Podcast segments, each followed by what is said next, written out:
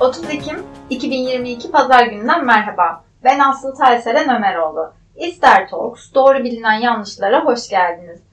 Bu İster Talks, doğru bilinen yanlışlar podcast serisi Avrupa Birliği Sivil Düşün Programı Duyurmak İstiyoruz desteği kapsamında Avrupa Birliği desteğiyle gerçekleşmektedir. İçeriğin sorumluluğu tamamıyla İster İstanbul Siyasal ve Toplumsal Araştırmalar Derneği'ne aittir ve Avrupa Birliği'nin görüşlerini yansıtmamaktadır. Bu bölümde konuğumuz İster Başkanı ve Fenerbahçe Üniversitesi Avrupa Çalışmaları Merkezi Müdürü Doktor Öğretim Üyesi Nihan Akıncılar Köseoğlu. Hoş geldiniz. Bugün Türkiye'de azınlık olmak hakkında doğru bilinen yanlışlardan bahsedeceğiz. Lafı uzatmadan doğrudan konuya girmek istiyorum. Üzerinde anlaşılmış bir azınlık tanımı var mıdır? Kimler azınlık statüsündedir Türkiye'de?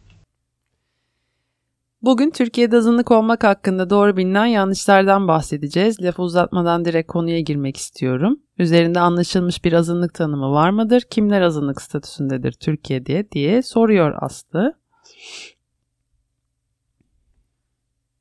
Aslında hem gelişmiş hem gelişmekte olan ülkeleri düşündüğümüzde hala azınlık haklarının salt yasal değil hatta daha çok politik bir mesele olarak görülmesi nedeniyle üzerinde anlaşılmış ve uluslararası hukuka eklenmiş bir azınlık tanımı yok diyebiliriz. Çünkü her tanım önerisinin kendi içinde eksiklikleri ya da ülkeler tarafından kabul görülmeyen politik olarak hassas bulunan detayları mevcut Birleşmiş Milletler Azınlıklara Karşı Ayrımcılığı Önleme ve Azınlıkları Koruma Alt Komisyonu'nun özel raportörlüğünü yapmış Francesco Capatorti'nin 1979 yılında önerdiği azınlık tanımı uluslararası hukukta en çok kabul gören tanımdır.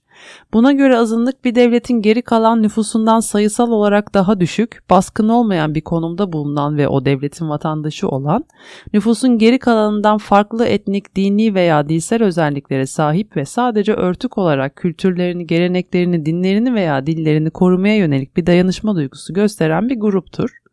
Burada Kapatorti azınlık statüsünü sadece o ülkenin vatandaşlarına veriyor. Yani göçmen, mülteci ya da dominant olmayan azınlıklara vermiyor. 1985 yılında özel raportör Deşen, azınlıkların toplumun çoğunluğuyla hem yasal olarak hem de uygulamada eşitliği sağlamayı amaçlaması gerektiğini ekliyor. Diğer yandan bir diğer özel raportör Ayde, 1993 yılında önerdiği tanımla azınlık statüsü için herhangi bir ülke vatandaşlığına gerek duyulmamalı diyor. Son olarak 1997 yılında özel raportör Chernichenko bir grubun azınlık statüsü alabilmesi için sayıca tüm nüfusun yarısından az olması gerektiğini iddia ediyor. Diğer yandan uluslararası sözleşmelere bakacak olursak 1966 Birleşmiş Milletler Medeni ve Siyasi Hakları ilişkin uluslararası sözleşme, 1992 BM ulusal ya da etnik, dinsel veya dilsel azınlıklara mensup kişilerin hakları bildirgesi, ve Avrupa Konseyi üyeleri için azınlık hakları konusunda bağlayıcılığı olan 1992 Avrupa Bölgesel Diller ve Azınlık Dillerini Koruma Anlaşması ve 1995 Ulusal Azınlıkların Korunmasına ilişkin çerçeve sözleşme metinlerinde net bir azınlık tanımına rastlayamıyoruz. Ancak Venedik Komisyonu 1991 yılında teklif ettiği azınlıkların korunmasına ilişkin Avrupa şartında azınlık tanımını nüfusun geri kalanından farklı etnik, dinsel veya dilsel özelliklere sahip ülke vatandaşlarından oluşan ve kendi kültürünü, geleneklerini, dinini veya dilini korumak amacıyla hareket eden nüfusun geri kalanından daha az olan bir grup olarak yapmıştır. Agit Ulusal Azınlıklar Yüksek Komiserliği ise Kapotorti'nin azınlık tanımına ekledikleriyle göçmen ve mültecileri de aynı tanımın içine sokuyor diyebiliriz. Avrupa Birliği ise üye ülkeleri için ortak bir azınlık hakları politikası oluşturmamış olsa da çeşitlilik içinde birlik mottosuyla çeşitliliğin Avrupa toplumu için bir zenginlik olduğunu iddia etmektedir. Dolayısıyla Kopenhag kriterlerine azınlıklara saygı ve onların korunması şartını eklemiş ve sadece bu şartı yerine getiren aday ülkeleri üyeliğe kabul etmeye başlamıştır. Özellikle 1993 yılından itibaren. Bunun temelinde de Sovyetler Birliği ve Yugoslavya'nın dağılmasından sonra ortaya çıkan yeni ulus devletlerdeki azınlık problemleri yatmakta. Peki Türkiye'de kimler azınlık statüsünde? Ulusal yasal düzenlemeler neler sorusuna cevap vereyim. Türkiye azınlıklarına yasal azınlık statüsünü sadece 24 Temmuz 1923'te imzalanan ve Türkiye Cumhuriyeti'ni kuran Lozan Anlaşması ile vermiştir. Üçüncü kısımdaki azınlıkların korunması bölümünde yer alan madde 37 ile madde 45 arasındaki maddeler azınlık hakları ile ilgili en temel yasal kaynaklardır.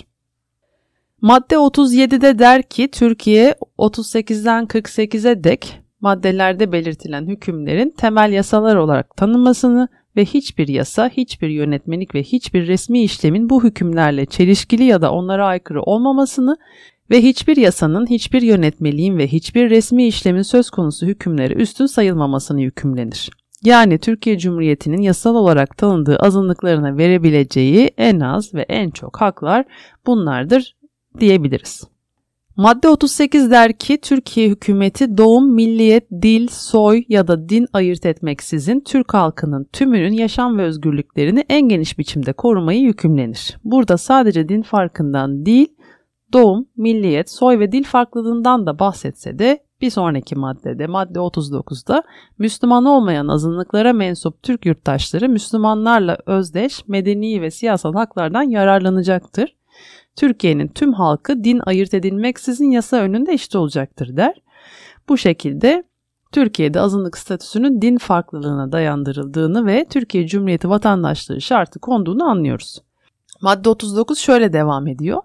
Din, inanç ya da mezhep farkı hiçbir Türk yurttaşının medeni ve siyasal haklardan yararlanmasına ve özellikle genel hizmetlere kabulüne, memurluğa ve yukarı derecelere ulaşmasına ya da çeşitli meslekleri ve sanatları yapmasına bir engel sayılmayacaktır. Burada inanç ve mezhep farklılığına işaret ediyor aslında.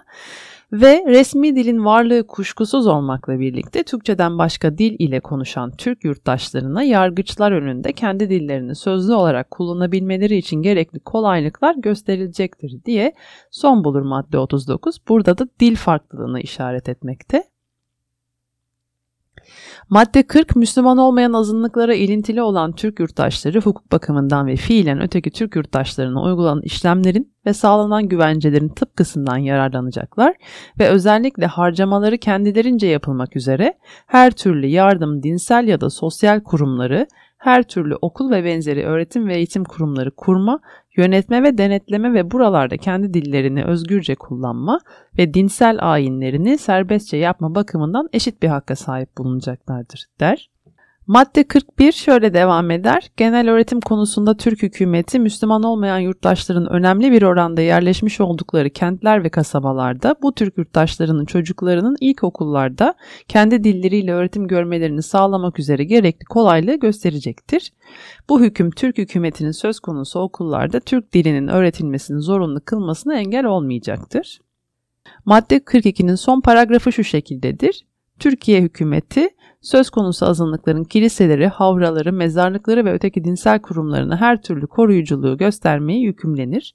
Bu azınlıkların bugün Türkiye'de bulunan vakıflarına ve dinsel ve yardım kurumlarına her türlü kolaylığı gösterecek ve izinleri verecek ve yeni dinsel ve yardım kurumları kurulması için benzeri öteki özel kurumlara sağlanmış olan gerekli kolaylıklardan hiçbirini esirgemeyecektir der. Bu maddeyi aklımızda tutalım. Biraz daha sonra değineceğim buraya. Madde 43 Müslüman olmayan azınlıklara mensup Türk yurttaşları inançlarına aykırı ya da dinsel ayinlerini bozucu herhangi bir işlem yapmaya zorlanamayacaklarını söyler. Madde 44'te Türkiye'nin Müslüman olmayan azınlıklarına ilişkin uluslararası toplumu ilgilendirici nitelikte hükümler getirdiğini ve onların milletler cemiyetinin güvencesi altına konulmasını kabul ettiğini söyler.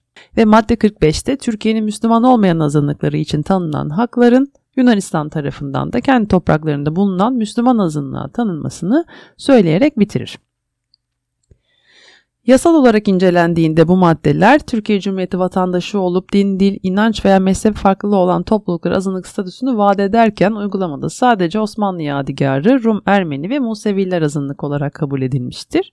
Ancak azınlık gruplarının ismi Lozan'da geçmemiş, Müslüman olmayan denilerek muğlak bırakılmıştır. Sonraki yıllarda da Türkiye Cumhuriyeti Anayasası ya da herhangi bir yasal düzenlemede azınlık hakları, azınlık tanımı ya da azınlık statüsüne sahip gruplar açıklanmamıştır. Hatta tam aksine 82 Anayasası madde 66'ya göre Türk devletine vatandaşlık bağıyla bağı olan herkes Türktür denilmiştir. Bu madde Lozan'da bahsi geçen azınlık tanımı, statüsü ve azınlık haklarıyla tamamen çelişmektedir aslında. Yine de uygulamada azınlık okullarına ve ibadet yerlerine sahip 3 topluluk Rumlar, Ermeniler ve Musevilerdir. Nüfus sayımında din, dil, mezhep, etnik köken sorulmadığından kendi cemaatleri içinde yaptıkları sayımlara dayanarak bugün Türkiye'de 2-3 bin Rum, 60 bin Katolik ve Gregorian Ermeni ve 23 bin Musevi azınlık yaşamaktadır diyebiliriz kabaca. Çok teşekkürler.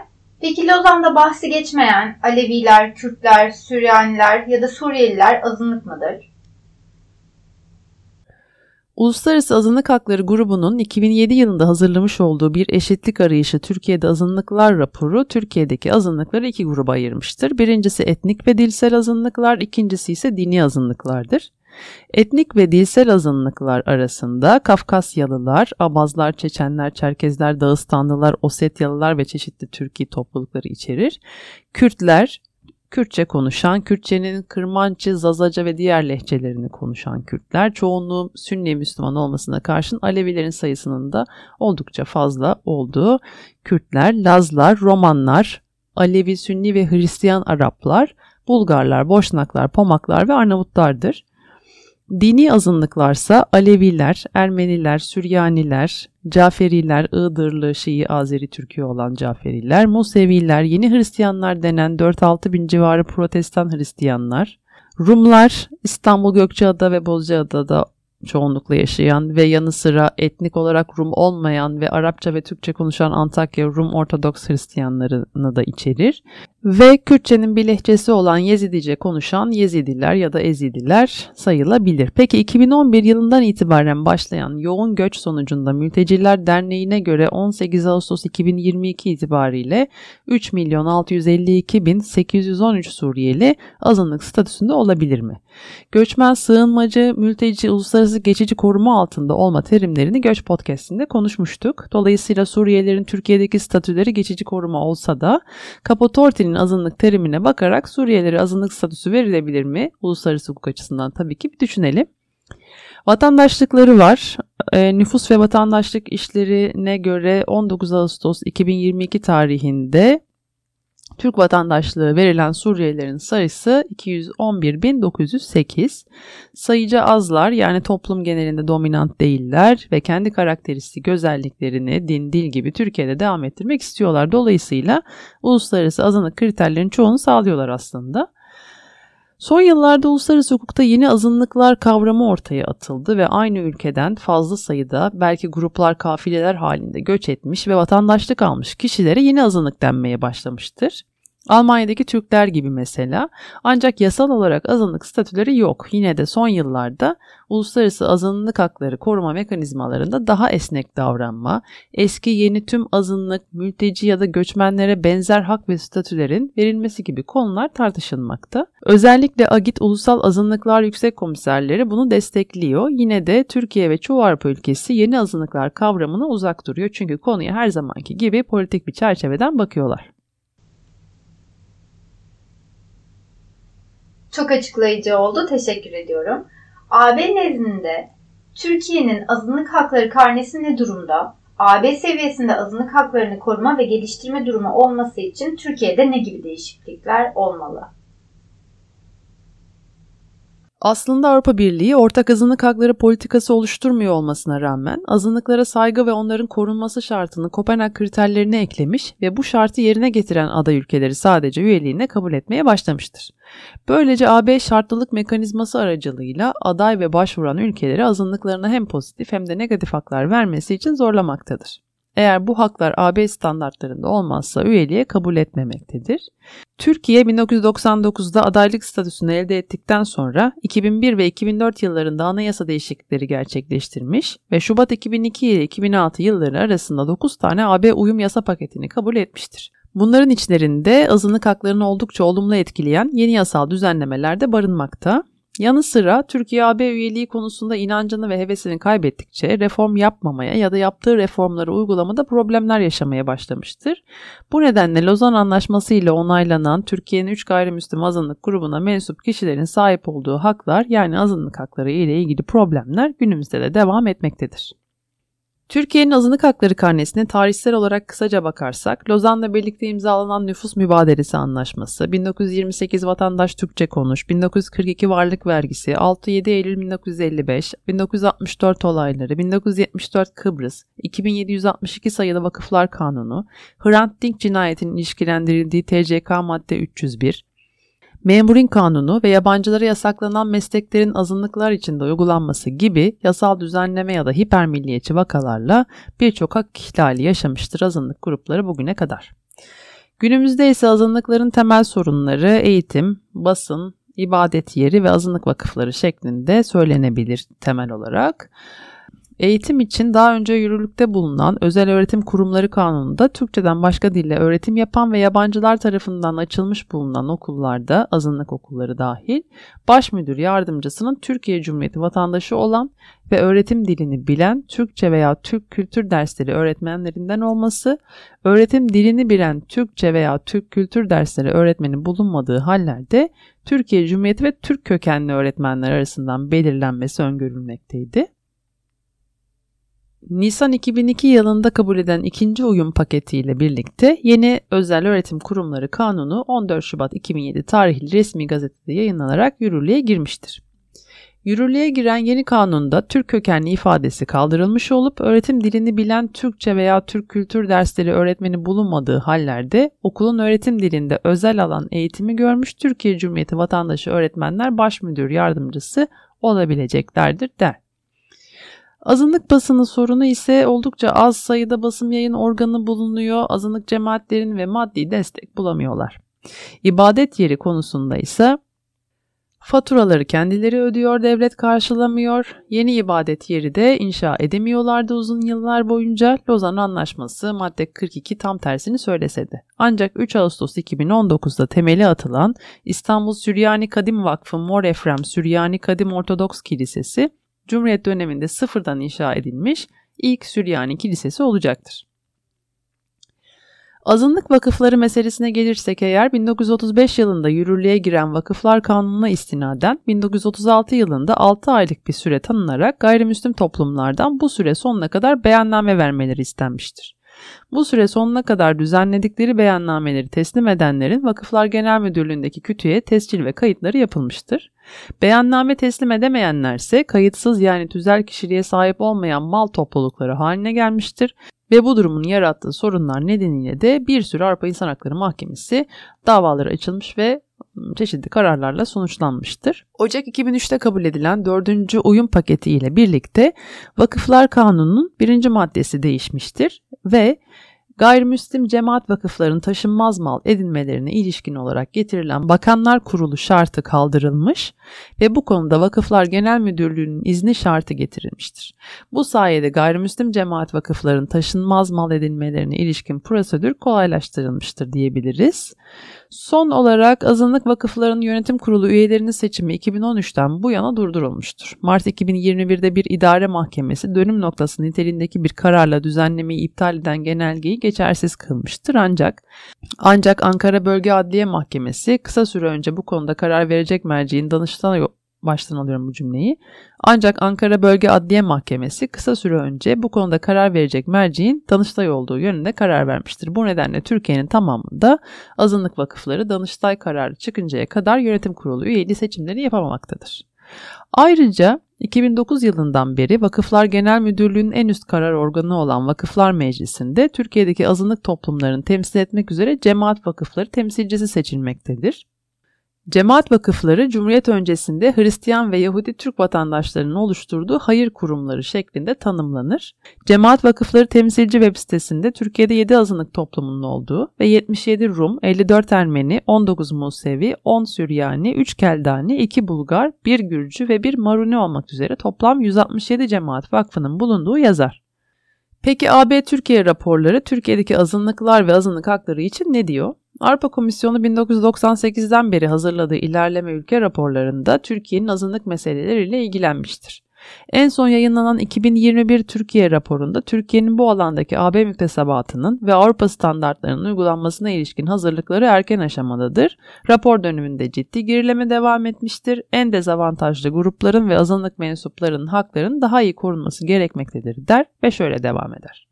Azınlıklara yönelik nefret söylemi ve nefret suçu ciddi bir sorun olmaya devam etmektedir. Avrupa standartları ile uyumlu kapsamlı bir yasal çerçeve oluşturulmalıdır ve zorunlu din kültürü ve ahlak bilgisi dersleri ve Alevilerin ibadet mekanları ile ilgili Avrupa İnsan Hakları Mahkemesi'nin verdiği kararların uygulanması için gereken özen gösterilmelidir. Azınlıkların ibadethanelerine ve mezarlıklarına yönelik tahrip ve imha eylemlerinin soruşturulması gerekmektedir. Kalan ayrımcı atıfların silinmesi için ders kitaplarının gözden geçirilmesi konusunda herhangi bir adım atılmamıştır. azınlık okullarına yönelik devlet destekleri adeta durma noktasına gelmiştir. Ermeni, Rum ve Musevi cemaati üyeleri tarafından yayınlanan gazetelere basın ilan kurumu tarafından destek sağlanması gerekmektedir. Venedik Komisyonu'nun 2010'da vurguladığı üzere Türkiye reform sürecine devam etmeli ve tüm gayrimüslim cemaatlerin tüzel kişilik kazanmalarına imkan verecek yasal düzenlemeleri yapmalıdır der. Eski raporların fasıl 23 yargı ve temel haklarda AB, Türkiye'de yaşayan etnik, dilsel ya da dinsel toplulukların çoğundan bahsediyorken artık temel haklar bölümünde Lozan azınlıkları ve onlara ek olarak Alevilerle Süryanilerden bahsetmektedir. Yine temel haklar bölümünde bir paragrafta romanlara, diğer bir paragrafta da kültürel haklar alt başlığı altında Kürtlere yer vermektedir. Diğer yandan azınlık hakları konusunda yasal düzenleme açısından Avrupa Konseyi üyesi olan Türkiye, 1995 Ulusal Azınlıkların Korunmasına ilişkin çerçeve sözleşmesini ve 1992 Avrupa Bölgesel Diller ve Azınlık Dillerini Koruma Anlaşmasını henüz imzalamamıştır. Bugün bizlere katıldığınız ve Türkiye'de azınlık olmak hakkında doğru bilinen yanlışlar konusunda bizleri aydınlattığınız için çok teşekkür ederiz. Dinleyicilerimize söylemek istediğiniz son bir şey varsa duymak isteriz. Hem doktora tezim hem legal kitap evinden kitap olarak yayınlanmış Europeanization of Minority Rights in Turkey and Greece A Comparative Analysis kitabımı tavsiye ediyorum. Özellikle Türkiye ve Yunanistan'daki azınlık hakları ile ilgili çok detaylı bilgiye ulaşabileceklerini düşünüyorum ve çok teşekkür ediyorum.